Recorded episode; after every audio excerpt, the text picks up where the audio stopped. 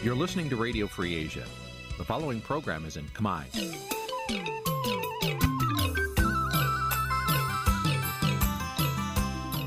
នេះជាកម្មវិធីផ្សាយ Vuthu Azizi Serai នេះជាកម្មវិធីផ្សាយរបស់ Vuthu Azizi Serai ជាភាសាខ្មែរ Vuthu Azizi Serai សូមស្វាគមន៍លោកអ្នកនាងទាំងអស់ពីរដ្ឋធានី Washington នៃសហរដ្ឋអាមេរិក បាទលោកនាងជាទីមេត្រីពីទីក្រុងមែលប៊នប្រទេសអូស្ត្រាលីខ្ញុំបាទថាថៃសូមជម្រាបសួរលោកនាងកញ្ញាទាំងអស់ដែលកំពុងតាមដានការផ្សាយរបស់វិទ្យុអាស៊ីសេរីទាំងអស់ជាទីមេត្រីនៅរាត្រីនេះយើងខ្ញុំសូមជូនកម្មវិធីផ្សាយសម្រាប់យប់ថ្ងៃពុធ700ខែអាសាឍឆ្នាំខាលចត្វាស័កពុទ្ធសករាជ2566ត្រូវនៅថ្ងៃទី20ខែកក្កដាគ្រិស្តសករាជ2022បាទជាដំបូងនេះសូមអញ្ជើញលោកនាងស្ដាប់ព័ត៌មានប្រចាំថ្ងៃដែលមានមេត្តាដូចតទៅ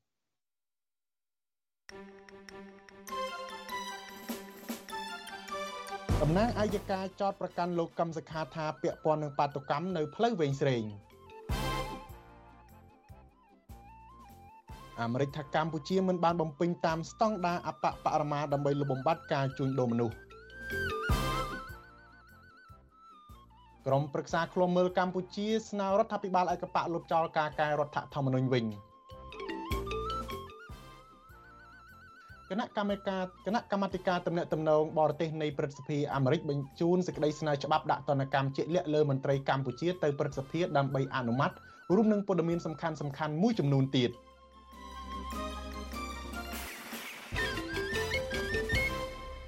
បាទជាបន្តទៅនេះខ្ញុំបាទថាថៃសូមជូនព័ត៌មានពិស្ដាដូចតទៅ បាទលោកនាងជាទីមេត្រីរបាយការណ៍ជួញដូរមនុស្សរបស់ក្រសួងការបរទេសសហរដ្ឋអាមេរិកបង្ហាញថាកម្ពុជាបានដើរថយក្រោយក្នុងការលុបបំបាត់ការជួញដូរមនុស្សមន្ត្រីរដ្ឋាភិបាលសោកស្ដាយចំពោះការវិតម្លៃនេះដោយថារដ្ឋាភិបាលបានប្រឹងប្រែងលុបបំបាត់ការជួញដូរមនុស្សយ៉ាងសកម្មទោះបីក្នុងស្ថានភាពរីករាលដាលនៃជំងឺ Covid ក៏ដោយប៉ុន្តែមន្ត្រីសង្គមស៊ីវិលលើកឡើងថារបាយការណ៍នេះឆ្លុះបញ្ចាំងពីការពិតនៃការរីករាលដាលការជួញដូរមនុស្សនៅក្នុងប្រទេសកម្ពុជាពីអ្នកចំនួនចិន។ លោកនាងនឹងបានស្ដាប់សេចក្តីរាយការណ៍នេះពឹស្ដានៅពេលបន្តិចទៀតបាទលោកនាងជាទីមេត្រីបាទលោកនាងជាទីមេត្រីតកតងទៅនឹងរឿងក្តីក្តាមរបស់ប្រធានគណៈបកសង្គ្រោះជាតិលោកកឹមសុខានៅថ្ងៃទី20នេះដែរ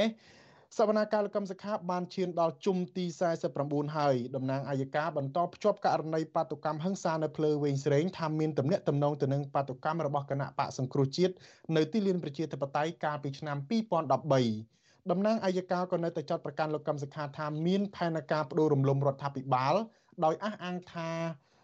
ដោយអះអាងថាព្រោះលោកកឹមសុខាបាននិយាយពាក្យផ្លាស់ប្ដូរក្រោយបោះឆ្នោតក៏ប៉ុន្តែភាគីលោកកឹមសុខាច្រានចោលការចោទប្រកាន់នេះ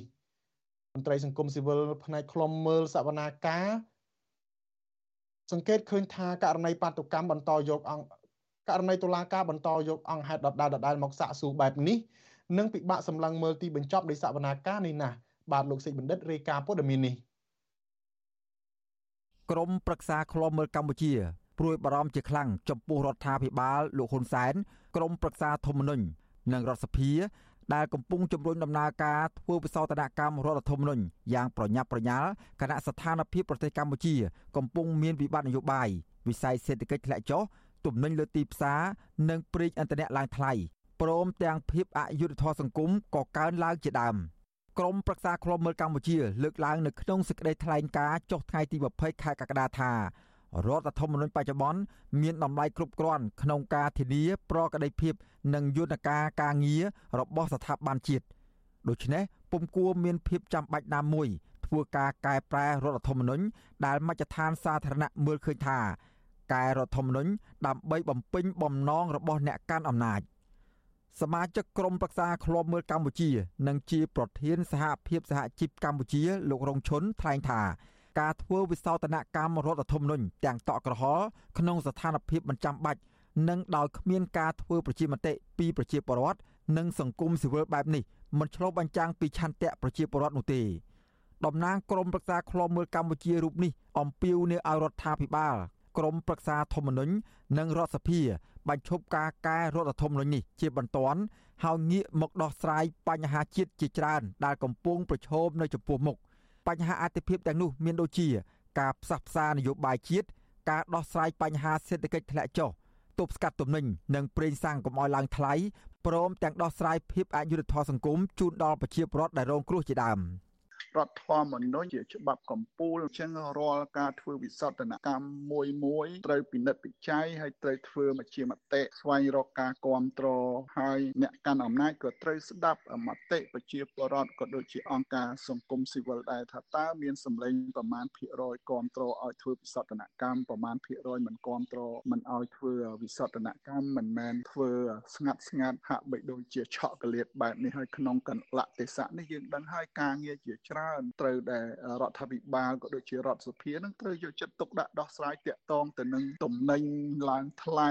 ក៏ដូចជាប្រេងឥន្ធនៈឡើងថ្លៃវិបត្តិទំនាស់ដូចជាករណី Nagawal ប្រជាពលរដ្ឋមានទំនាស់ដីធ្លីស្អីស្អីវាត្រូវបញ្ហាដោះស្រាយច្រើនណាករណីទីផ្សារកសិកម្មរបស់ប្រជាពលរដ្ឋដែលផលិតបានគ្មានទីផ្សារនាំចេញអាហ្នឹងឯងដែលត្រូវដោះស្រាយ ឆ្លើយតបរឿងនេះអ្នកនាំពាក្យគណៈបកប្រជាជនកម្ពុជាលោកឈឹមផវរុនដែលមានទម្លាប់កំណត់នីតិនិងលក្ខខណ្ឌមិនអោយអ្នកកាសែតសួរដេញដោលនោះថ្លែងថា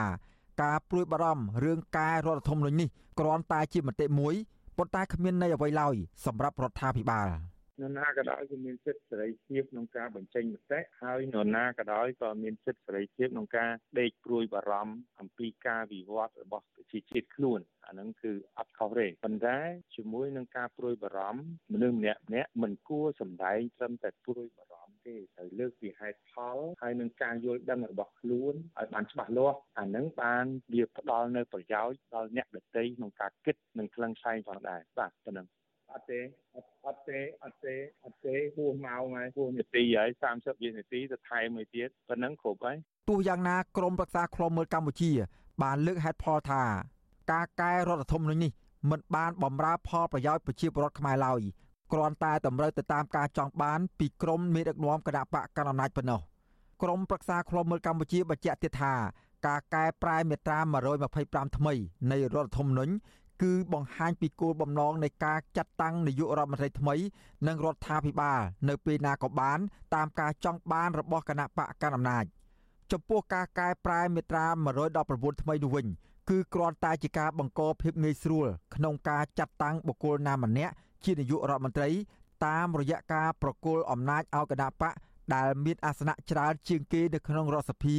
ជាអ្នកស្នើសុំឲ្យព្រះមហាក្សត្រចាត់តាំងនាយករដ្ឋមន្ត្រីថ្មី។ ក្រមប្រឹក្សាឃ្លាំមើលកម្ពុជាចាត់ទុកថាទង្វើនោះ ជាការកាត់បន្ថយអំណាចរដ្ឋសភា ដែលផ្ទុយពីគោលការណ៍សភានិយមក្នុងរបបប្រជាធិបតេយ្យសេរីលើពីនេះទៀតការកែប្រែមាត្រាដទៃទៀតសុទ្ធតែបង្ហាញពីការការពាររដ្ឋាភិបាលថ្មីមួយក្រោយទទួលបានការតែងតាំងរួចរាល់លោករងឈុនលើកឡើងថាទោះបីជាស្ថិតនៅក្នុងស្ថានភាពនៃការរឹតបន្តឹងសិទ្ធិសេរីភាពក្តី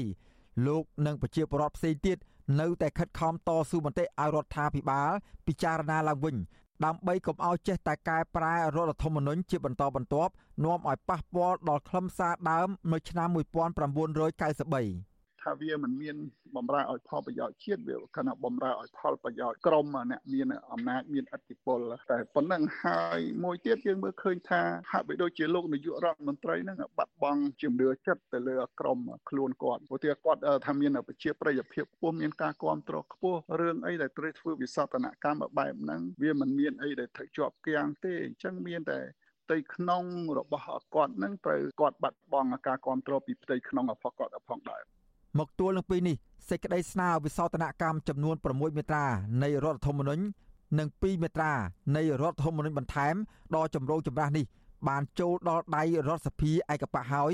ដែលគ្រោងនឹងអនុម័តជាការប្រញាប់តាមការចង់បានរបស់លោកហ៊ុនសែនក្រៅពីក្រមប្រឹក្សាឃ្លាំមើលកម្ពុជាគណៈបកនយោបាយក្រមអង្គការសង្គមស៊ីវិលអ្នកវិភាគនិងប្រជាពលរដ្ឋមួយចំនួនបានជំទាស់ជាហោហែចំពោះការកែប្រែរដ្ឋធម្មនុញ្ញលើកទី10នេះ ពួកគាត់មើលឃើញដូចដូចគ្នាថា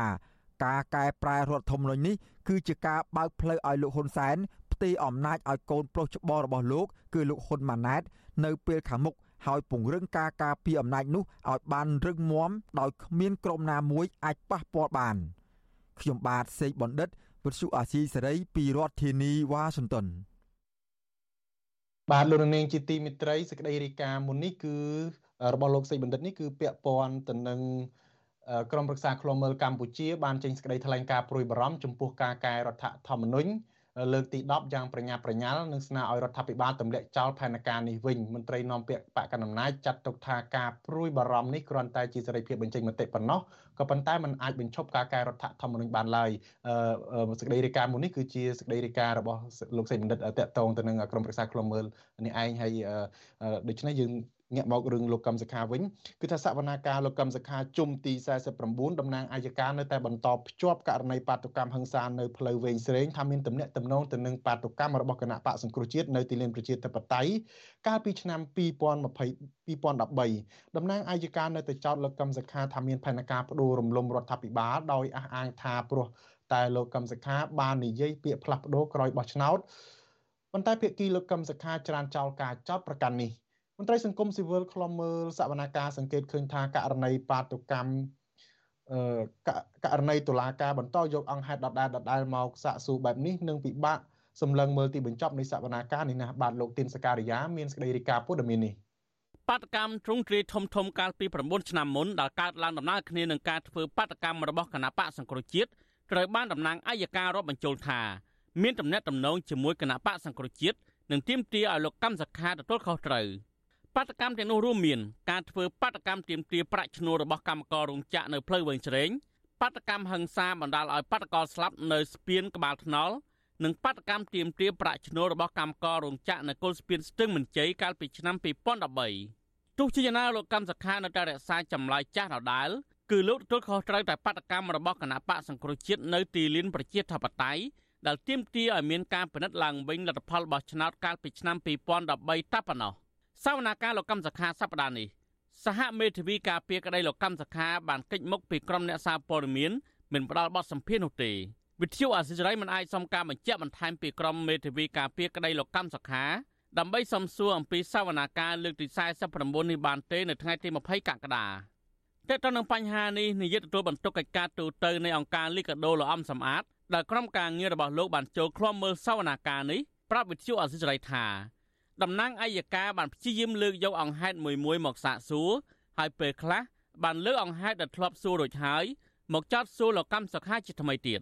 លោកយល់ថាបើស្ថានភាពសវនាការបន្ត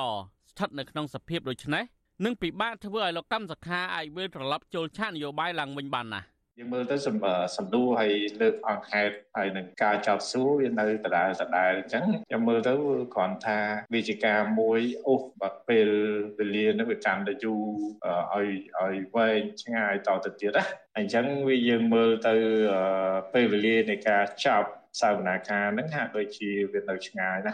ដោយសពដងដែរសាវនាការនេះមានការឃ្លាំមើលពីតំណាងស្ថានទូតបរទេសនិងតំណាងអង្គការសហប្រជាជាតិប្រចាំនៅកម្ពុជា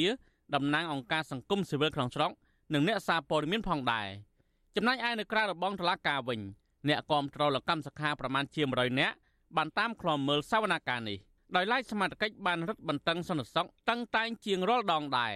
អ្នកគាំទ្រលកម្មសខាម្នាក់លោកបឿសំអល់ជំរុញទៅតុលាការឲ្យទម្លាក់ចោលការចាប់ប្រកាន់លោកកម្មសខាពីព្រោះលោកសង្កេតឃើញថា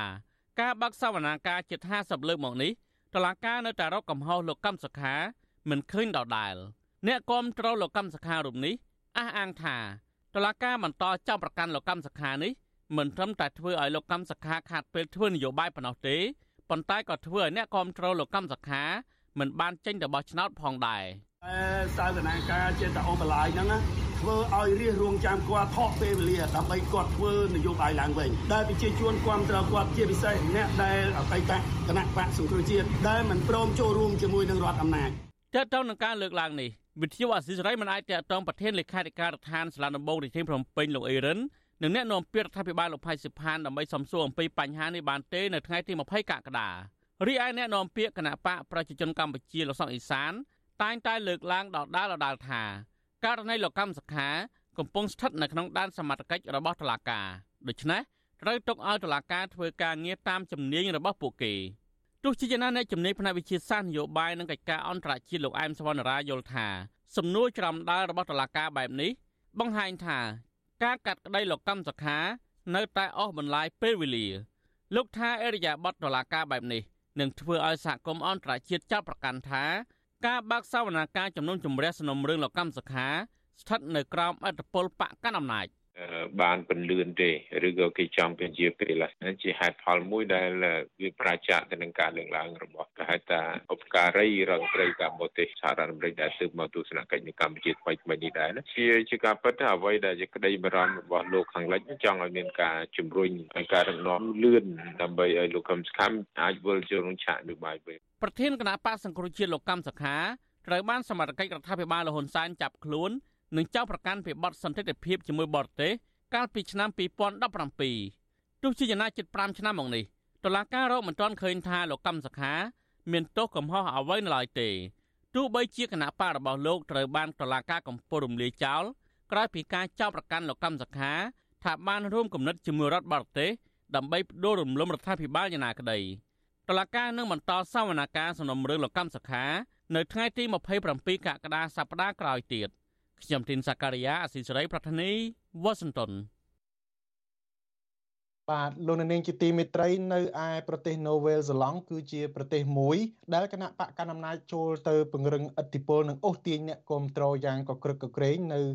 ដូចនៅប្រទេសអូស្ត្រាលីនិងប្រទេសដទៃទៀតដែរគណៈបកប្រជាជនកម្ពុជាប្រាវិធីអូសទាញជាច្រើនជាមួយនឹងការផ្ដល់លុយកាក់ផ្ដល់ប្រយោជន៍ផ្សេងផ្សេងលាយឡំនឹងការបំផិតបំភ័យជាដើមរហូតធ្វើឲ្យសហគមន៍ខ្មែរនិងរដ្ឋាភិបាលប្រទេសនូវែលសេឡង់ព្រួយបារម្ភនឹងរដ្ឋបិទការចេញចូលរបស់បកពួកលោកហ៊ុនសែន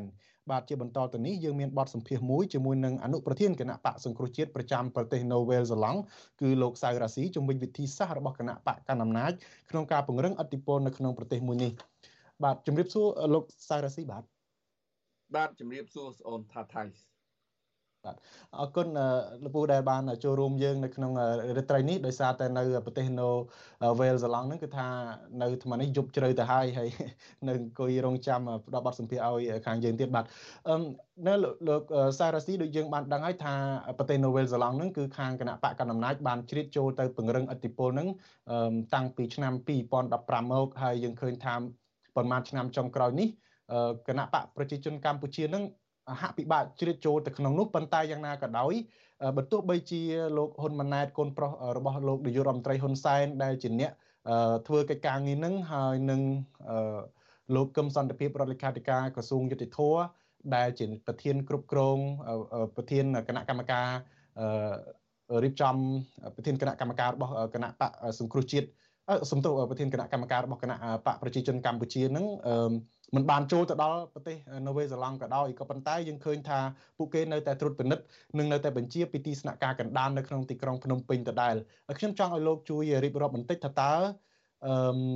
សកម្មភាពអូសទាញទិញទឹកចិត្តប្រជាពលរដ្ឋខ្មែរនៅឯប្រទេសនូវេសេឡង់នឹងតើតើមានស្ថានភាពបែបណាដែរបាទក្នុងរយៈពេលចុងក្រោយនេះបាទ បាទសូមអរគុណបងប្អូនជនរួមជាតិម្សិលទៀតហើយខ្ញុំសៅរាស៊ីសូមក្រាបថ្វាយបង្គំព្រះថេរានុថេរៈគ្រប់ព្រះអង្គជាទីសក្ការៈពីចម្ងាយហើយនឹងសូមជម្រាបសួរដល់បងប្អូនដែលជាអឺ client ជាជាអ្នកដែលគ្រប់គ្រងនៅអាស៊ីសេរីផងដែរអឺថ្ងៃនេះខ្ញុំចង់បញ្ជាក់ជម្រាបឲ្យបងប្អូនតាក់ទងជាមួយនឹងគណៈបកប្រជាជនដែលបានមកប្រទេស New Zealand បាទហើយជាមួយនឹងអូស្ត្រាលី មួយរយៈកន្លងទៅយើងឃើញហើយថាថ្នាក់ដឹកនាំរបស់គណៈបក CPP នឹងគឺគេបានចូលមក ដើម្បីបញ្ជ្រាបនៃមនោគមជាពិសេសនឹងគឺទៀមទាទាញអ្នកគ្រប់គ្រងគណៈបក CP CPP នឹងឲ្យគ្រប់គ្រងគណៈបកប្រជាជននៅប្រទេសខ្មែរក៏ប៉ុន្តែយើងក៏លេចមើលឃើញថាប្រជាជនខ្មែរដែលនៅទីនេះ ដែលពីដើមគាត់រត់មកប្រទេសញូហ្សេឡង់ហ្នឹងគឺគាត់ផ្អែកទៅលើថា នៅប្រទេសខ្មែរហ្នឹងគឺជា ប្រទេសមួយដែលផ្ដាច់ការប្រទេសមួយដែលប្រព្រឹត្តអំពើពុករលួយ ដែលគាត់រស់នៅមិនបាន គឺគាត់ត្រឡប់មករស់នៅប្រទេសញូហ្សេឡង់នេះឯងហើយគាត់បានប្រាប់ទៅខាងក្រសួងហិរញ្ញវត្ថុហ្នឹងគឺថាក្រសួងណែអន្តោប្រវេសន៍គឺថាគាត់មិនអាចនៅបានទេហើយគាត់ឲ្យក្រសួងអន្តោប្រវេសន៍នឹងជួយយកគាត់មកប្រទេសញូហ្សេឡង់នឹងឯង នៅពេលដែលគាត់មកដល់ទីនេះហើយគាត់បែរទៅជាគ្រប់គ្រងគណៈបកមួយគឺជាគណៈបកដែលរាល់ថ្ងៃនេះគឺពិភពលោកគេដឹងថា នៅប្រទេសខ្មែរយើងនឹងមិនគោរពសិទ្ធិមនុស្សហើយបំផ្លាញលទ្ធិប្រជាធិបតេយ្យអានឹងដែលយើងមើលមានការខុសឆ្គងមួយដែលប្រទេសញូហ្សេឡង់នឹង3ឆ្នាំមុនគឺក្រសួងក្រសួងការបរទេសប្រទេសញូហ្សេឡង់ហ្នឹងគឺបានទៅចូលរួមនៅប្រទេសស្វីស ហើយបានដឹកនាំប្រទេស45ប្រទេសដើម្បីប្រឆាំងជាមួយនឹងរដ្ឋាភិបាលនៅប្រទេសខ្មែរតកតងនឹងការរំលោភសិទ្ធិមនុស្សនៅកម្ពុជាអញ្ចឹងយើងងាកមកលើបងប្អូនដែលរាល់ថ្ងៃនេះយើងមិនថាទេប្រជាជនខ្មែរណាក៏ដោយ មានសិទ្ធិគ្រប់គ្រងគណៈបកណាដូចគ្នាខ្ញុំមិនគិតថាឥឡូវខ្ញុំជាគណៈបកប្រឆាំងយើងគ្រប់គ្រងយើងប្រឆាំងនៅលើរបបផ្ដាច់ការហើយ គណៈបកណាដែលមកប្រឆាំងជាមួយយើងយើងប្រឆាំងជាមួយគេយើងអត់ទេក៏ប៉ុន្តែ អ្វីដែលយើងមករស់នៅប្រទេសញូហ្សេឡង់គឺយើងនឹងហើយគឺជាប្រទេសកាន់លទ្ធិប្រជាធិបតេយ្យសេរីពហុបកហើយជាពិសេសនឹងគឺតកតងជាមួយនឹងសិទ្ធិមនុស្សគឺប្រទេសញូហ្សេឡង់គឺគេគ្រប់គ្រងខ្លាំងមែនតើអញ្ចឹងបងប្អូនមួយចំនួនដែលគាត់មករស់នៅទីនេះហើយគាត់បែរទៅជាគ្រប់គ្រង CPP អានឹងបងប្អូនពិចារណាទៅពីបញ្ហាហ្នឹង ហើយមួយរយៈកន្លងទៅនឹងយើងឃើញថ្នាក់ដឹកនាំរបស់គណៈបក CPP ដូចជាលោកហ៊ុនម៉ាណែតគឹមសន្តិភាពអីហ្នឹងគឺគាត់បានជ្រៀតចូលមកធ្វើការនៅប្រទេសញូហ្សេឡង់ក៏ប៉ុន្តែ2ឆ្នាំជាងមួយរយៈកន្លងទៅនេះមុនកូវីដនេះគឺគាត់ពិបាកនឹងចូលប្រទេសញូហ្សេឡង់ដោយសាររដ្ឋាភិបាលញូហ្សេឡង់គឺគេបានជ្រាបពីបញ្ហាដែលអស់លោកមួយចំនួនគាត់ចូលមក ក្នុងប្រទេសញូហ្សេឡង់គឺគាត់ធ្វើឲ្យសមាគមធ្វើឲ្យខ្មែរនៅប្រទេសញូហ្សេឡង់មានការបែកបាក់គ្នារឿងអើងហើយខ្មែរមួយចំនួនដែលគាត់គ្រប់គ្រង CPP អានឹងមិនមូលហេតុអីបានជាគាត់គ្រប់គ្រងដូចនៅប្រទេសញូហ្សេឡង់នេះគឺពួកដែលអ្នកដែលចូលរួមជាមួយនឹងគណៈបក CPP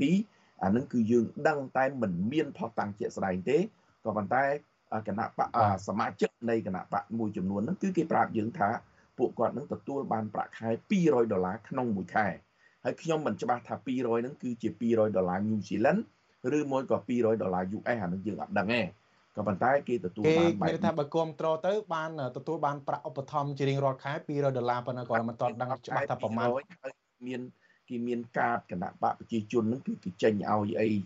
ច្បាស់លាស់អញ្ចឹងហើយកាតហ្នឹងគឺយើងទទួលបាន គេបានផ្ញើមកឲ្យយើងដែលជាសមាជិកដូចអ្នកដែលនៅទីក្រុងក្រៅឈើហ្នឹងគាត់ទទួលបាន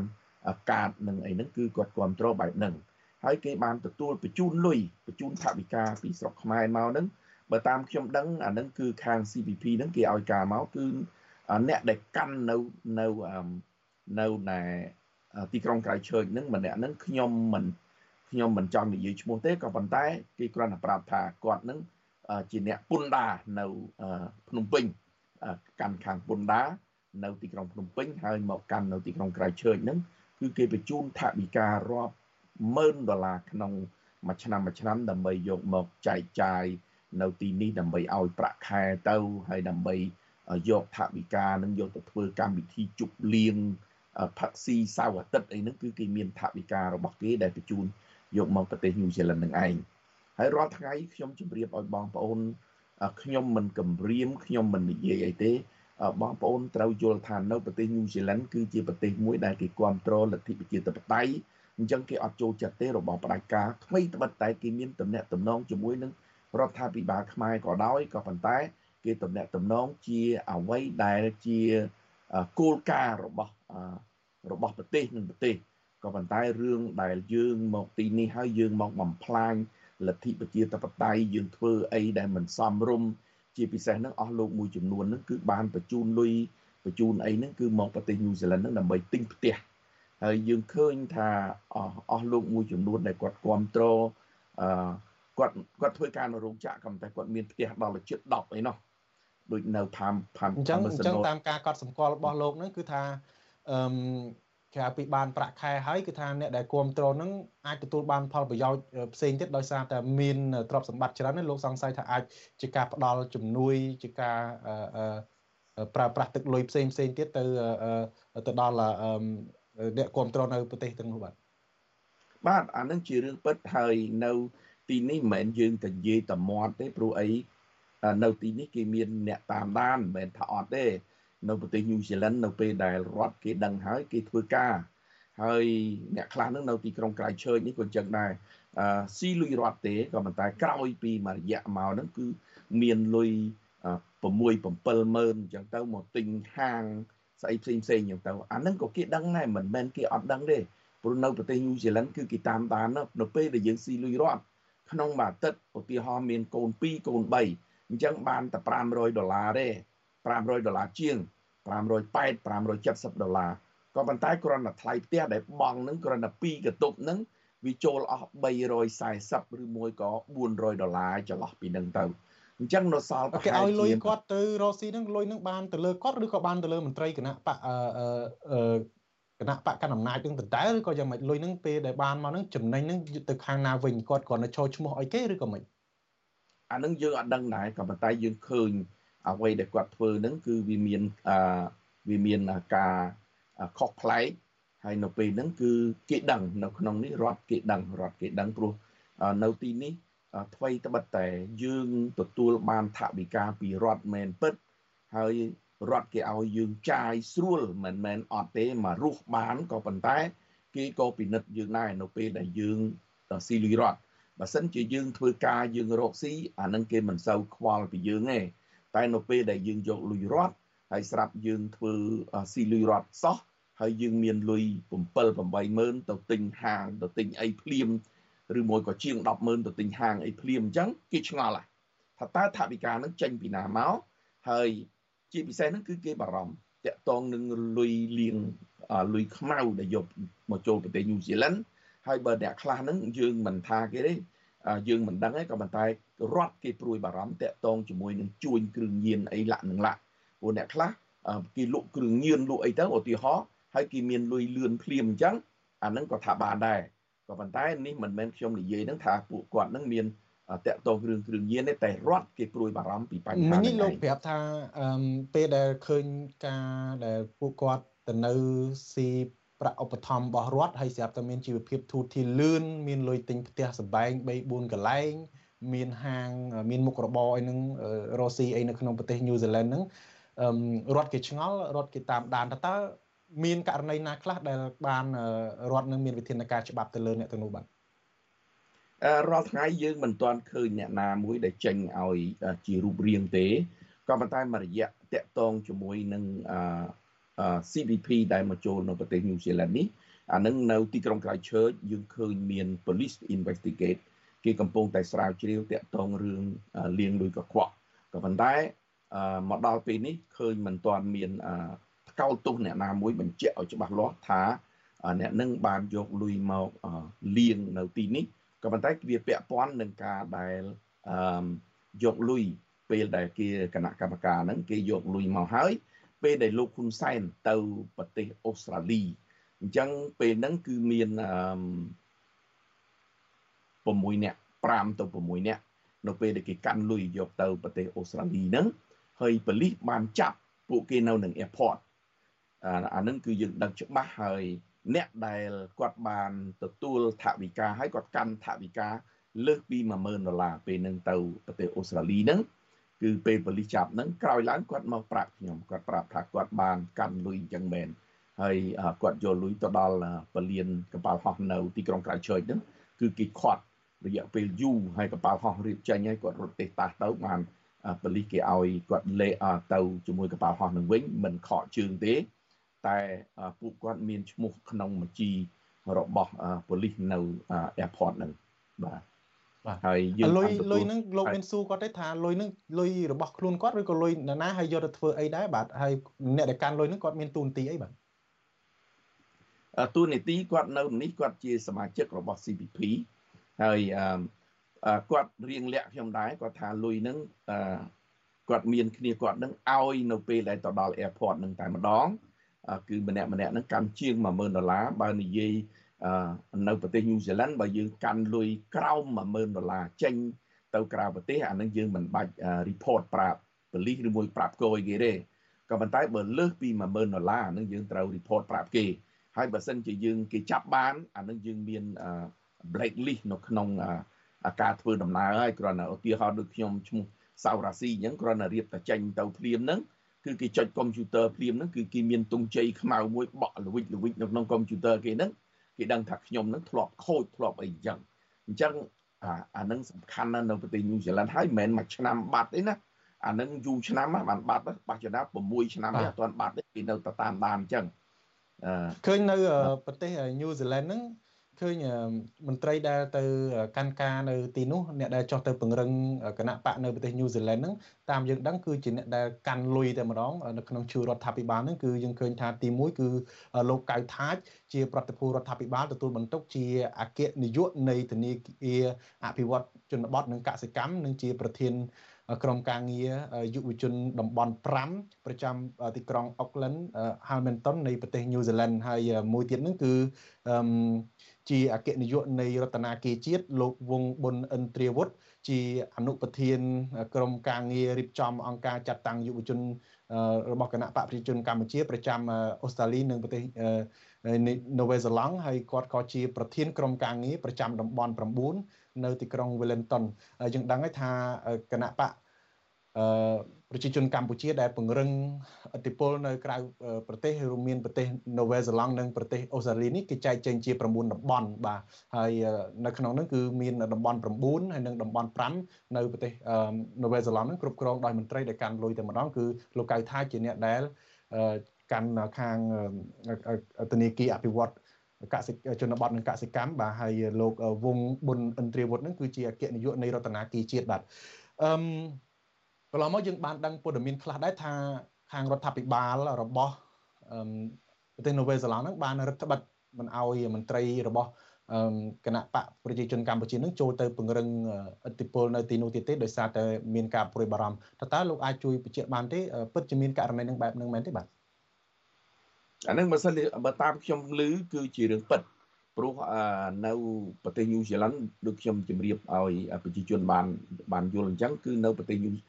ញូហ្សេឡង់ហ្នឹងគឺគេព្រួយបារម្ភតាក់ទងជាមួយនឹងសហគមន៍នៅទីនេះហើយសហគមន៍ដែលនៅទីនេះនៅពេលដែលបងប្អូនខ្មែរយើងមានការរឿងអើងរវាងគណៈបក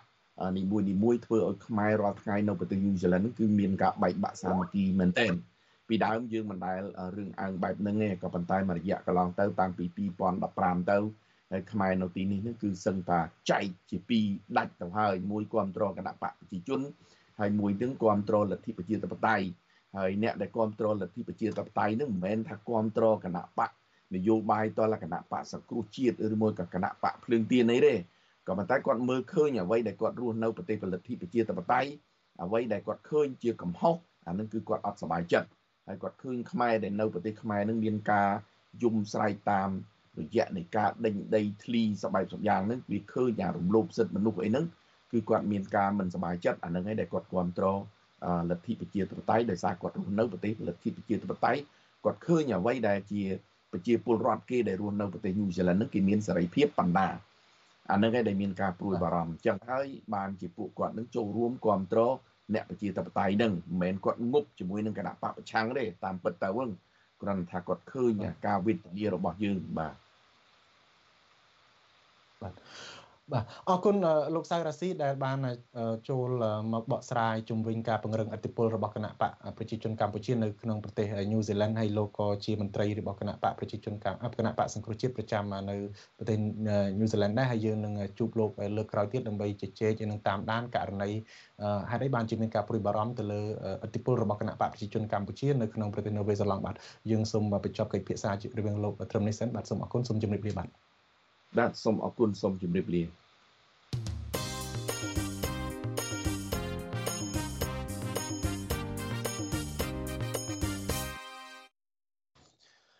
បាទលោកនាងជាទីមេត្រីរបាយការណ៍ជួញដូរមនុស្សរបស់ក្រសួងការបរទេសអាមេរិកបង្ហាញថាកម្ពុជាបានដើរថយក្រោយក្នុងការលុបបំបាត់ការជួញដូរមនុស្សមន្ត្រីរដ្ឋាភិបាលសម្ដែងការសោកស្ដាយចំពោះការវាយតម្លៃនេះដោយថារដ្ឋាភិបាលបានប្រឹងប្រែងលុបបំបាត់ការជួញដូរមនុស្សយ៉ាងសកម្មទោះបីក្នុងស្ថានភាពនៃការរីករាលដាលជំងឺ Covid-19 ក៏ដោយក៏ប៉ុន្តែមន្ត្រីសង្គមស៊ីវិលលើកឡើងថារបាយការណ៍នេះឆ្លុះបញ្ចាំងពីការពិតនៃការរាលដាលការជួញដូរមនុស្សនៅក្នុងប្រទេសកម្ពុជាជាពិសេសពាក់ព័ន្ធទៅនឹងករណីអ្នកចំនួនចិន អ្នកស្រីម៉ៅសុធានីរាយការណ៍ព័ត៌មាននេះរបាយការណ៍ជួញដូរមនុស្សនៅកម្ពុជា ឆ្នាំ2022ចេញផ្សាយដោយក្រសួងការបរទេសអាមេរិកនៅថ្ងៃទី20ខែកក្កដាបានវិតម្លៃថារដ្ឋាភិបាលកម្ពុជាមិនបានបំពេញតាមស្តង់ដារបបរមាក្នុងការប្រឹងប្រែងលុបបំបាត់ការជួញដូរមនុស្សនោះឡើយរបាយការណ៍បង្ហាញថាកម្ពុជា đã ថយក្រោយ ក្នុងការលុបបំបាត់ការជួញដូរមនុស្ស ដោយសារបញ្ហាអំពើពុករលួយជាប្រព័ន្ធដែលបានរារាំងដល់ការអនុវត្តច្បាប់ ហើយបណ្ដោយឲ្យជនល្មើសនៅតែអាចប្រព្រឹត្តបទល្មើសឬក៏កិច្ចខ្លួនពីការកាត់ទោសហើយជនរងគ្រោះនៅតែមិនអាចទទួលបានការជួយសង្គ្រោះ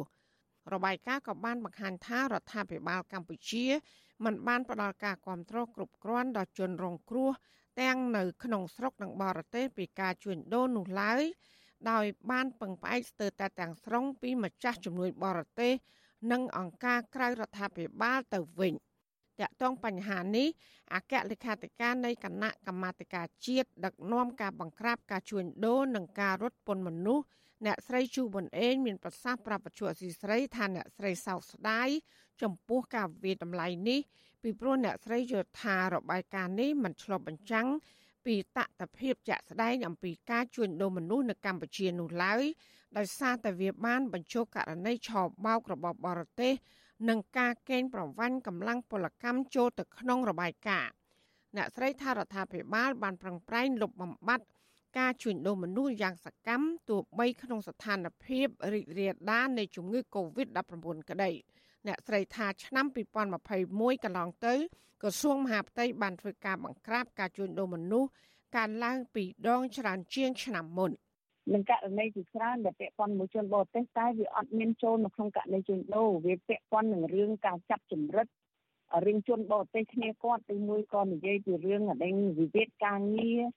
ឬមួយក៏ការចាញ់ការឆោបបោករបស់ប្រូខឺគ្នាគាត់ដែលមកពីក្រៅប្រទេសហ្នឹង ហើយមកទម្លាក់លើកម្ពុជាទាំងអស់អញ្ចឹងខ្ញុំវាមិនដឹងថាយ៉ាងម៉េចដែរទេចា៎ប៉ុន្តែចំពោះយើងខ្ញុំក៏ចង់ប្រាប់ថាយើងបានប្រឹងប្រែងខ្លាំងណាស់ជុំវិញរឿងនេះនាយកប្រតិបត្តិមជ្ឈមណ្ឌលសម្ព័ន្ធភាពការងារនិងសិទ្ធិមនុស្សលោកមឿនដុល្លារលើកឡើងថារបាយការណ៍ដែលចេញផ្សាយដោយក្រសួងការបរទេសអាមេរិកប្រចាំកម្ពុជានេះគឺឆ្លោះបញ្ចាំងការពិតតាក់ទងនឹងបញ្ហាជួញដូរមនុស្សនៅកម្ពុជា លោកបន្ថែមថាប្រទេសកម្ពុជាបច្ចុប្បន្នកំពុងប្រឈមនឹងការជួញដូរមនុស្សកាន់តែខ្លាំងដោយសារតែអ្នកចំនួនចិន បានប្រើប្រាស់កម្លាំងពលកម្មជនជាតិបង់ក្លាដេសជនជាតិនេប៉ាល់ក្នុងវិស័យសំណង់ដោយបង្ខិតបង្ខំហើយរដ្ឋាភិបាលក៏មិនទាន់មានអន្តរាគមគ្រប់គ្រាន់ក្នុងការដោះស្រាយបញ្ហាការបោកប្រាស់តាមប្រព័ន្ធអ៊ីនធឺណិតដែលមានថៅកែជនជាតិចិននិងមានជាប់ពាក់ព័ន្ធ ជាមួយនឹងការជួញដូរជនជាតិថៃម៉ាឡេស៊ីហ្វីលីពីន និងវៀតណាមដើម្បីបម្រើអាជីវកម្មខុសច្បាប់ទាំងនេះផងដែរជាមួយគ្នានេះលោកយល់ស្របថារបាយការណ៍ដែលបានលើកឡើង ពីបញ្ហាពុករលួយជាប្រព័ន្ធដែលបណ្ដាលឲ្យបាត់ល្មើសជួញដូរមនុស្សមានការកើតឡើងពួកដោយសារអីដោយសារតែឈ្មោះទាំងអស់ហ្នឹងគឺផ្ដាល់ជាសំណូកទៅដល់មន្ត្រីក្រាក់ក្រាក់ណាហើយកាន់តែផ្ដាល់ ជាសំណូកដល់មន្ត្រីក្រាក់ក្រាក់ហើយយើងយកលុយគេហើយយើងអត់មានវិធានការអីទៅលើក្រុមហ៊ុនឯកជនអស់ហ្នឹងទេឬក៏ឈ្មោះឯកជនទាំងអស់ហ្នឹងទេនៅពេលដែលឈ្មោះទាំងអស់ហ្នឹងប្រព្រឹត្តអំពើអឺបាត់ល្មើសព្រហ្មទណ្ឌណាមួយដូចជាការជួញដូរមនុស្សការធ្វើទរណកម្មលើមនុស្សអីចឹងណាបាទរបាយការណ៍ជួញដូរមនុស្សចេញផ្សាយដោយក្រសួងការបរទេសអាមេរិកប្រចាំកម្ពុជាកាលពីឆ្នាំ2021បានផ្ដល់ចំណាត់កម្ពុជាកម្រិតទី2 ដែលឡែកក្នុងឆ្នាំ2022នេះកម្ពុជាបានធ្លាក់ទៅកម្រិតទី3វិញ ហើយដែលការធ្លាក់ចំណាត់ថ្នាក់នេះនឹងធ្វើឲ្យអាមេរិកពិចារណាបន្ថែមលើការផ្តល់ប្រាក់ជំនួយដល់កម្ពុជានាពេលខាងមុខចាននាងខ្ញុំម៉ៃសុធានីវិទ្យុអាស៊ីសេរីប្រធានាធិបតី Washington បាទលោកនាងជាទីមេត្រីវិទ្យុអាស៊ីសេរីសូមជូនដំណឹងថាយើងគ្មាននាយកព័ត៌មានប្រចាំនៅប្រទេសកម្ពុជាទេ បើមានជនណាអះអាងថាជាអ្នកយកព័ត៌មានឲ្យវិទ្យុអាស៊ីសេរីនៅកម្ពុជានោះគឺជាការក្លែងបន្លំយកឈ្មោះអាស៊ីសេរីក្នុងគោលបំណងទុច្ចរិតណាមួយរបស់បុគ្គលនោះសូមអរគុណអាស៊ីសេរីបាទលោកនាងជាទីមេត្រីគណៈកម្មាធិការទំនាក់ទំនងបរទេសនៃព្រឹទ្ធសភាអាមេរិកសម្រេចបញ្ជូនសេចក្តីស្នើច្បាប់ដាក់ទណ្ឌកម្មជាក់លាក់លើមន្ត្រីជាន់ខ្ពស់កម្ពុជាទៅព្រឹទ្ធសភាពេញអង្គដើម្បីអនុម័ត ការសម្រេចនេះធ្វើឡើងនៅក្នុងកិច្ចប្រជុំបិទទ្វារមួយរបស់គណៈកម្មាធិការទំនាក់ទំនងបរទេសនៃព្រឹទ្ធសភាអាមេរិកនៅថ្ងៃទី9ខែកក្កដាបាទឥឡូវនេះយើងនឹងមានសេចក្តីរាយការណ៍ផ្ទាល់ពីលោកមានរិទ្ធបាទជំរាបសួរលោកមានរិទ្ធបាទបាទជំរាបសួរលោកថាថៃបាទសុខសប្បាយលោកបាទបាទសុខសប្បាយអរគុណលោកមានរិទ្ធខាងលោកយ៉ាងណាដែរបាទបាទសុខសប្បាយទេបាទ បាទអរគុណលោកមានរិទ្ធយើងឃើញហើយការវិវត្តចុងក្រោយនឹងគឺថាព្រឹទ្ធសភាគណៈកម្មាធិការតំណែងតំណងបរទេសនៃព្រឹទ្ធសភាអាមេរិកនឹងបានបញ្ជូនសេចក្តីស្នើច្បាប់ដាក់ទណ្ឌកម្មលើមន្ត្រីជាន់ខ្ពស់កម្ពុជានឹងទៅព្រឹទ្ធសភាពេញអង្គដើម្បីអនុម័តលោកអាចបញ្ជាក់បានទេថាតើសេចក្តីស្នើច្បាប់ដាក់ទណ្ឌកម្មនេះហើយដំណើរការនឹងយ៉ាងម៉េចដែរបាទ បាទអរគុណលោកថាថៃយើងទាំងអស់គ្នាកំពុងតាមដានខ្លមមើលថាតើការវិវត្តនៃសេចក្តីស្នើច្បាប់ដាក់ទណ្ឌកម្មលើមន្ត្រីជាក់លាក់នៅកម្ពុជានោះកំពុងវិវត្តដល់ណាហើយហើយថាអាចនឹងឈានទៅដល់ការអនុម័តឲ្យខ្លាយទៅជាច្បាប់អនុវត្តជាផ្លូវការដោយប្រធានាធិបតីអាមេរិកដែរឬទេបាទសូមបញ្ជាក់ថាសេចក្តីព្រៀងសេចក្តីស្នើច្បាប់នេះមានឈ្មោះថាច្បាប់ស្តីពីលទ្ធិប្រជាធិបតេយ្យនិងសិទ្ធិមនុស្សនៅកម្ពុជាសម្រាប់ឆ្នាំ2021ដែលត្រូវបានផ្ដួចផ្ដើមឡើងដោយលោកសមាជិកព្រឹទ្ធសភាដ៏មានឥទ្ធិពលរបស់អាមេរិកម្នាក់គឺលោក Edward Markey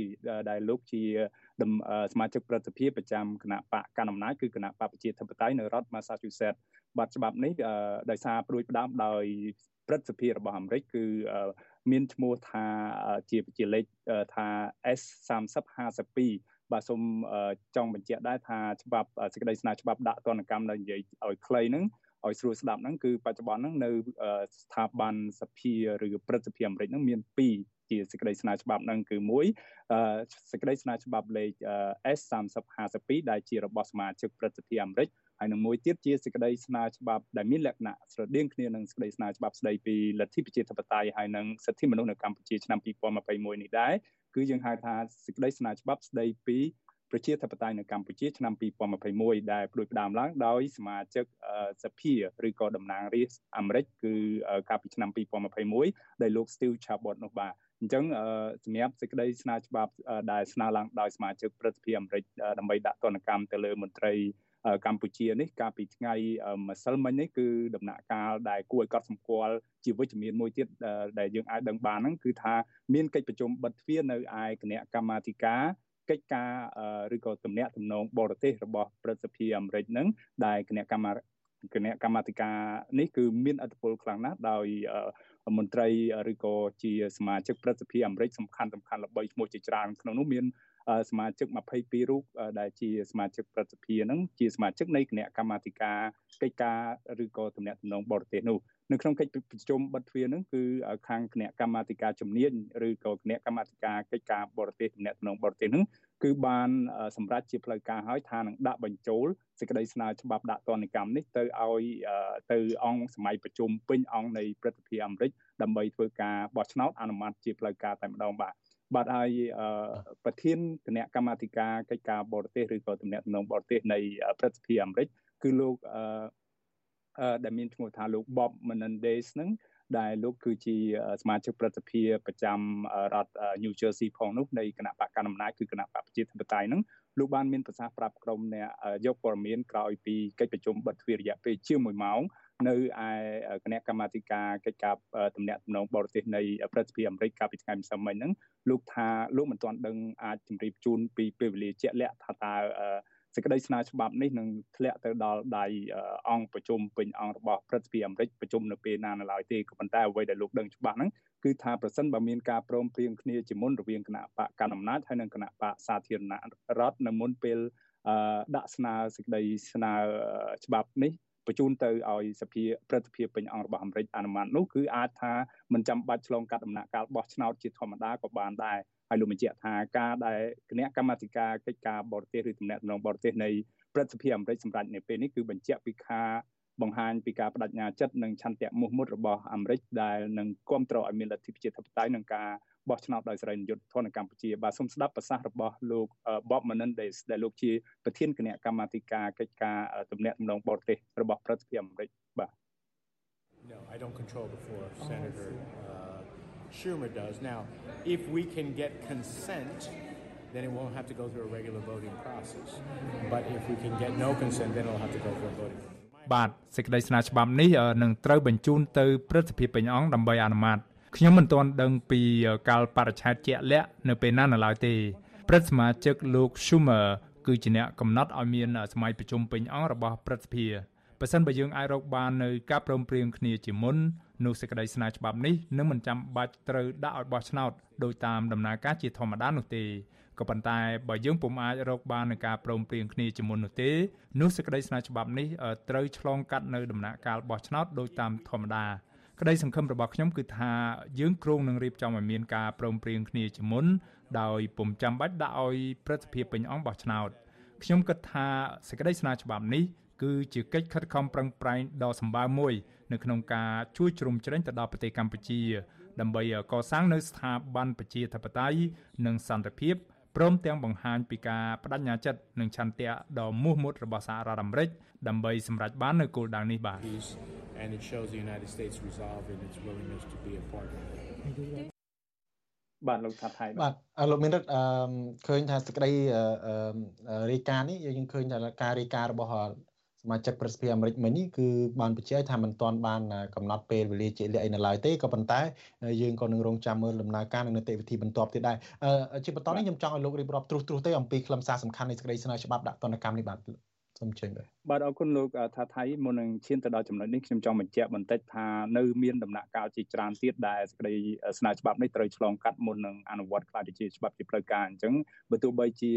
ពេលនេះគឺគណៈកម្មាធិការកិច្ចការជំនាញកិច្ចការបរទេសរបស់ព្រឹទ្ធសភាបានអនុម័តក៏ដោយក៏ប៉ុន្តែច្បាប់នេះនៅឆ្លងកាត់ព្រឹទ្ធសភាដោយសារតែព្រឹទ្ធសភាពេញអង្គដោយសារតែច្បាប់នេះអឺ ដាក់ស្នើដោយសមាជិកព្រឹទ្ធសភាហើយបន្ទាប់ពីចប់ពីឧបមាថាស្ថាប័នព្រឹទ្ធសភាសមាជិកព្រឹទ្ធសភាដែលមានសមាជិកសរុបចំនួន100នាក់នេះបានអនុម័តហើយគឺត្រូវបញ្ជូនទៅឲ្យរដ្ឋសភារបស់អាមេរិកពិនិត្យមើលវិញម្ដងមុននឹងរដ្ឋសភាឈានទៅអនុម័តបន្តហើយមុននឹងដាក់ឲ្យប្រធានាធិបតីអាមេរិកចុះហត្ថលេខានោះចឹងឃើញថានៅមានដំណាក់កាលច្រើនតទៅទៀតដែលច្បាប់នេះត្រូវឆ្លងកាត់ ហើយទន្ទឹមនឹងនេះដែរច្បាប់ស្តីពីស្នើដាក់ទណ្ឌកម្មជាក់លាក់លើមន្ត្រីកម្ពុជាដែលបានចូលរួមក្នុងការរំលោភសិទ្ធិមនុស្សឬក៏រំលាយប្រជាធិបតេយ្យនៅកម្ពុជានេះបច្ចុប្បន្ននេះមានសហប្រធានចូលរួមគ្រប់គ្រងផ្ចុងផ្ដើមច្បាប់នេះគឺមានសមាជិកព្រឹទ្ធសភាអាមេរិកនឹងចំនួន15រូបហើយបាទហើយតម្រូវឲ្យបើសិនបើមានការដាក់ឲ្យបោះឆ្នោតគឺតម្រូវឲ្យមានការបោះឆ្នោតសម្លេង51សម្លេងនៅក្នុងស្ថាប័នព្រឹទ្ធសភាពេញអង្គអាមេរិកក្នុងចំណោមសមាជិកព្រឹទ្ធសភាសរុបចំនួន100នាក់ បាទហើយអញ្ចឹងយើងថាអ្វីដែលគេតាមដានមើលតទៅទៀតគឺរយៈពេលនៃការបញ្ជូនសេចក្តីស្នើច្បាប់នេះទៅដល់ព្រឹទ្ធសភាពេញអង្គរបស់សហរដ្ឋអាមេរិកហ្នឹងគឺដោយសារតែទាំងសភាទាំងទាំងព្រឹទ្ធសភាហ្នឹងគឺមានអាណត្តិរបស់ខ្លួនកំណត់គឺត្រូវបញ្ចប់អាណត្តិរបស់ខ្លួននៅក្នុងខែដើមខែ វិច្ឆិកាឆ្នាំ2022នេះហើយដោយមានការបោះឆ្នោតពាក់កណ្ដាលអាណត្តិនោះអញ្ចឹងឃើញថាប្រសិនបើពេលវេលានេះហាក់បីដូចជានៅសល់ខើចណាស់សម្រាប់ច្បាប់នេះឲ្យឆ្លងផុតស្ថាប័នព្រឹទ្ធសភាហើយនឹងទំមឈានទៅដល់រដ្ឋសភាមុននឹងក្លាយជាច្បាប់នោះអញ្ចឹងត្រូវការពេលវេលាច្រើនទៀតហើយប្រសិនបើមិនអាចឆ្លងផុតដំណាក់កាលនៅមុនការបោះឆ្នោតពាក់កណ្ដាលអាណត្តិនៅថ្ងៃទី8ខែវិច្ឆិកាឆ្នាំ2022នេះទេនោះ រាល់ដំណាក់កាលដែលបានឆ្លងផុតទាំងប្រមាណហ្នឹងច្បាប់នេះនឹងត្រូវត្រឡប់មកខ្លាយទៅជាមានន័យថាត្រូវធ្វើឡើងវិញនៅក្នុងអាណត្តិថ្មីរបស់រដ្ឋសភានិងព្រឹទ្ធសភារបស់អាមេរិកដែលចាប់ផ្ដើមពីដំណាក់កាលដំបូងឡើងវិញហើយបាទឆ្លើយតបនឹងសំណួររបស់លោកថាថៃអំបញ្ញមិញថាតើច្បាប់នេះមានខ្លឹមសារអីសំខាន់ហ្នឹងយើងដឹងទាំងអស់គ្នាហើយគោលដៅនៃច្បាប់នេះគឺដាក់ស្នើឡើងគឺដើម្បី លើកកម្ពស់ឲ្យមានការបោះឆ្នោតដោយសេរីនិងយុត្តិធម៌លើកកម្ពស់លទ្ធិប្រជាធិបតេយ្យនិងសេរីភាពនយោបាយនិងសិទ្ធិមនុស្សនៅកម្ពុជាលោកថាថៃក៏បានជ្រាបដែរថាក្រោយពីមានការរំលាយលទ្ធិប្រជាធិបតេយ្យរំលាយគណៈបកសង្គ្រោះជាតិកាលពីចុងឆ្នាំ2017ឈានទៅរកព្រឹត្តិការណ៍បោះឆ្នោតនៅឆ្នាំ2018ដែលសហរដ្ឋអាមេរិកមិនទទួលស្គាល់ ពេញមុខពេញមាត់ឬក៏ចាត់ទុកថាជាការបោះឆ្នោតមួយដែលមិនប្រព្រឹត្តទៅដោយសេរីនិងយុត្តិធម៌នោះអឺសេចក្តីស្នើច្បាប់នេះបានព្រៀងម្ដងជាពីរដងដាក់ចូលទៅស្ថាប័នប្រតិភិនិង រដ្ឋសភារួចមកហើយក៏ប៉ុន្តែឥឡូវនេះគឺកាលពីឆ្នាំ2021មានការដាក់ស្នើសេចក្តីស្នើច្បាប់នេះទៅហើយខ្លឹមសារសំខាន់ចំនួន2ដែលគេចាប់អារម្មណ៍ហ្នឹងគឺទី1តាក់ទងទៅនឹងការដាក់ទណ្ឌកម្មតម្រូវឲ្យបង្កក់ទ្រព្យសម្បត្តិនិងតម្រូវឲ្យរដ្ឋបတ်តការលើមន្ត្រីជាន់ខ្ពស់កម្ពុជាទាំងមន្ត្រីរដ្ឋាភិបាលទាំងមន្ត្រីយោធានិងសន្តិសុខនៅកម្ពុជាដែលបានចូលរួមរំលាយប្រជាធិបតេយ្យនិងរំលោភសិទ្ធិមនុស្សហើយចំណុចសំខាន់មួយទៀតនៃច្បាប់នេះដែរគឺតម្រូវឲ្យ រដ្ឋាភិបាលសហរដ្ឋអាមេរិកដែលមានប្រធានាធិបតីអាមេរិកជាអ្នកគ្រប់គ្រងហ្នឹងគឺត្រូវបញ្ជូននៅបញ្ជីឈ្មោះនៃបុគ្គលដែលត្រូវដាក់ទណ្ឌកម្មទាំងប្រមាណរូបដែលសហរដ្ឋអាមេរិកកំណត់ឃើញហ្នឹងទៅឲ្យគណៈកម្មការគណៈកម្មាធិការកិច្ចការបរទេសនៃរដ្ឋសភានៃព្រឹទ្ធសភាអាមេរិកហ្នឹងជាអ្នកពិនិត្យមើលហើយនឹងអនុវត្តបាទនៅក្នុងនោះគឺខាងគណៈកម្មាធិការកិច្ចការបរទេសឬតំណាក់តំណងបរទេសនៃព្រឹទ្ធសភាអាមេរិកហ្នឹងក៏តម្រូវឲ្យ ប្រធានាធិបតីអាមេរិកហ្នឹងរាយការណ៍ដោយផ្ទាល់ទៅឲ្យខ្លួននៅការតាមដានមើលអំពីសកម្មភាពឬការពាក់ព័ន្ធទាំងឡាយណារបស់កងទ័ពរំដោះប្រជាជនចិនយើងហៅថា PLA ហ្នឹងហើយនឹងរបស់រដ្ឋាភិបាលសាធារណរដ្ឋប្រជាមានិតចិនដែលពាក់ព័ន្ធនៅក្នុងកំពង់ផែរៀមនិងនៅឯតំបន់តារាសាគរដែលត្រូវបានរដ្ឋាភិបាលហ្នឹងកម្ពុជាហ្នឹងផ្ដល់សិទ្ធិឲ្យប្រទេសចិនក្រុមហ៊ុនចិនវិនិយោគរយៈពេល99ឆ្នាំជាពិសេសនោះបាទ លោកថាថៃបាទអរគុណលោកមានរិទ្ធហើយនៅរាត្រីនេះលោកក៏នឹងមានកិច្ចពិភាក្សាពិសេសមួយដែរតាក់ទងទៅនឹងដំណើរការរបស់ប្រសិទ្ធិអាមេរិកលើសេចក្តីស្នើច្បាប់ដាក់ទណ្ឌកម្មជាក់លាក់លើមន្ត្រីកម្ពុជានេះបាទសូមអរគុណសូមលោកនាងរងចាំកិច្ចពិភាក្សាដែលសម្រាប់សម្រួលដោយលោកមានរិទ្ធខ្លួនឯងនៅពេលបន្តិចទៀតនេះបាទសូមជម្រាបលាលោកមានរិទ្ធបាទអរគុណបាទជំរាបលាបាទបាទ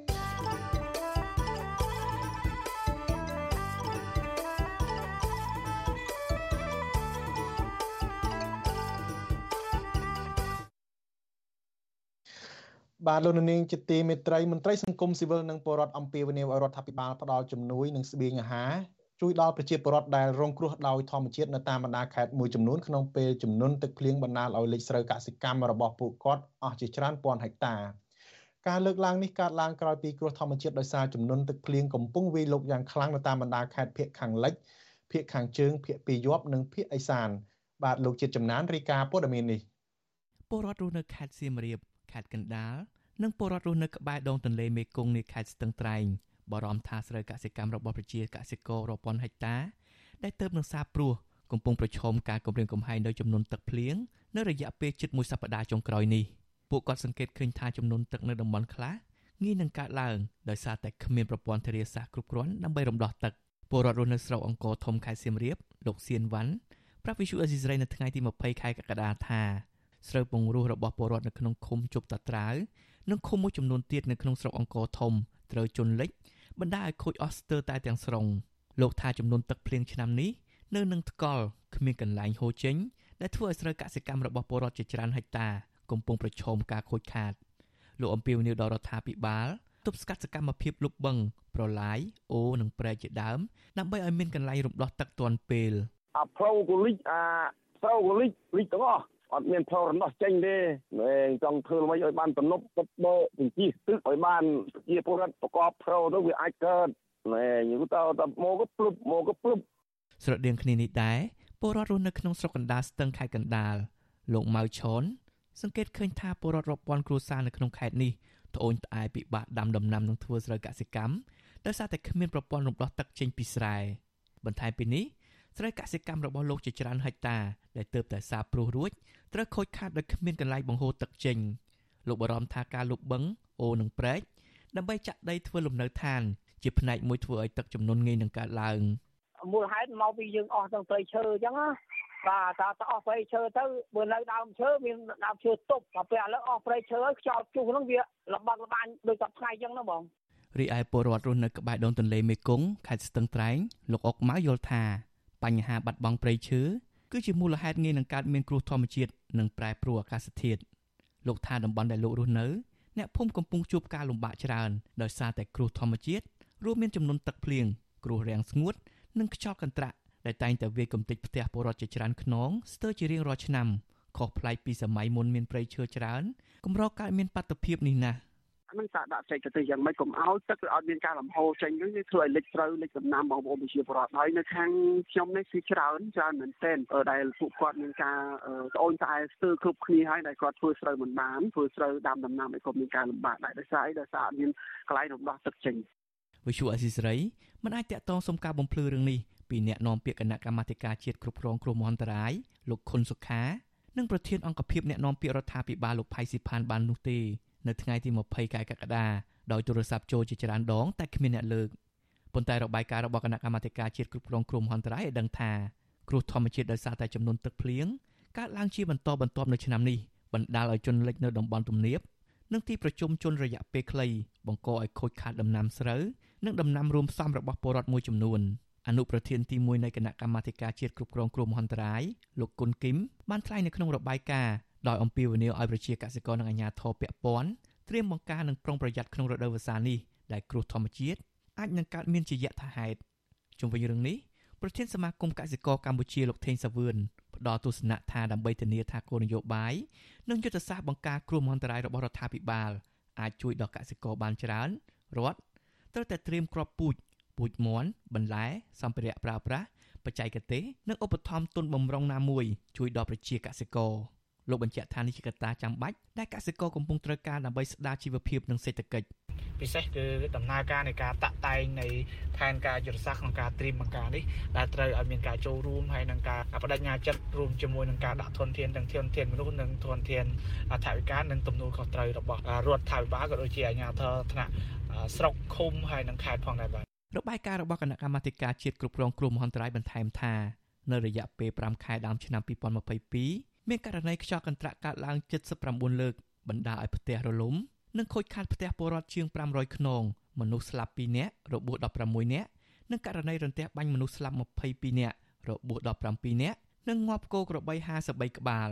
គណៈកម្មាធិការជំនាញមួយនេះនៅមិនទាន់បង្ហាញរបាយការណ៍អំពីចំនួនទឹកភ្លៀងដែលបង្កឲ្យមានផលប៉ះពាល់ដល់ស្រូវបង្រួសរបស់ប្រជាកសិករនៅឡើយទេខ្ញុំបាទជាចំណាន Visual Assisray ពីរដ្ឋធានី Washington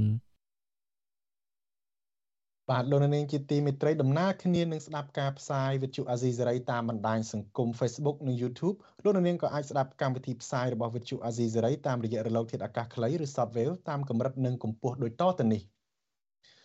ពេលព្រឹកចាប់ពីម៉ោង5កន្លះដល់ម៉ោង6កន្លះតាមរយៈរលកធាតុអាកាសខ្លី12140 kHz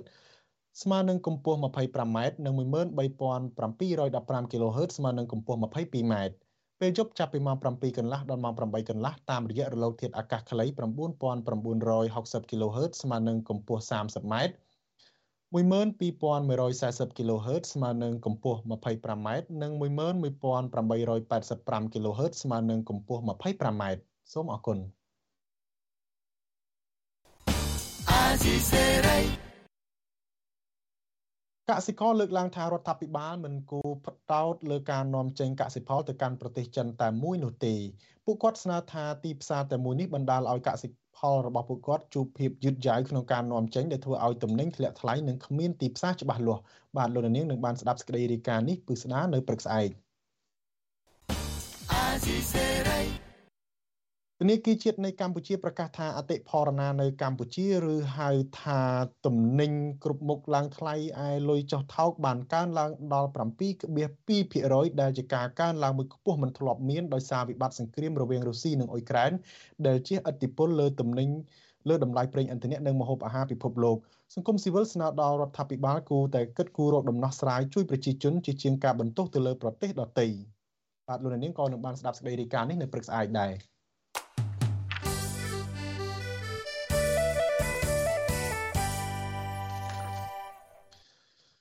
បាទពលរដ្ឋផ្ទុកជំងឺអេដនៅឃុំរកាខេត្តបាត់ដំបងត្អូញត្អែជួបទុកលំបាកខ្វះខាតស្បៀងអាហារនិងស្នើដល់អាជ្ញាធរពាក់ព័ន្ធផ្ដល់ស្បៀងដល់ពួកគាត់ការស្នើសុំនេះធ្វើឡើងបន្ទាប់ពីពលរដ្ឋផ្ទុកមេរោគអេដធ្លាក់ខ្លួនឈឺនិងគ្មានលទ្ធភាពទៅធ្វើការរកប្រាក់ចំណូលសង្គមស៊ីវិលយល់ថារដ្ឋាភិបាលត្រូវបង្កើនការយកចិត្តទុកដាក់ដល់សុខភាពរបស់ប្រជាពលរដ្ឋនិងដោះស្រាយបញ្ហាស្បៀងឲ្យបានទាន់ពេលវេលាបាទលោកនាងនឹងបានស្ដាប់សេចក្តីរាយការណ៍ពិស្ដានៅព្រឹកស្អែក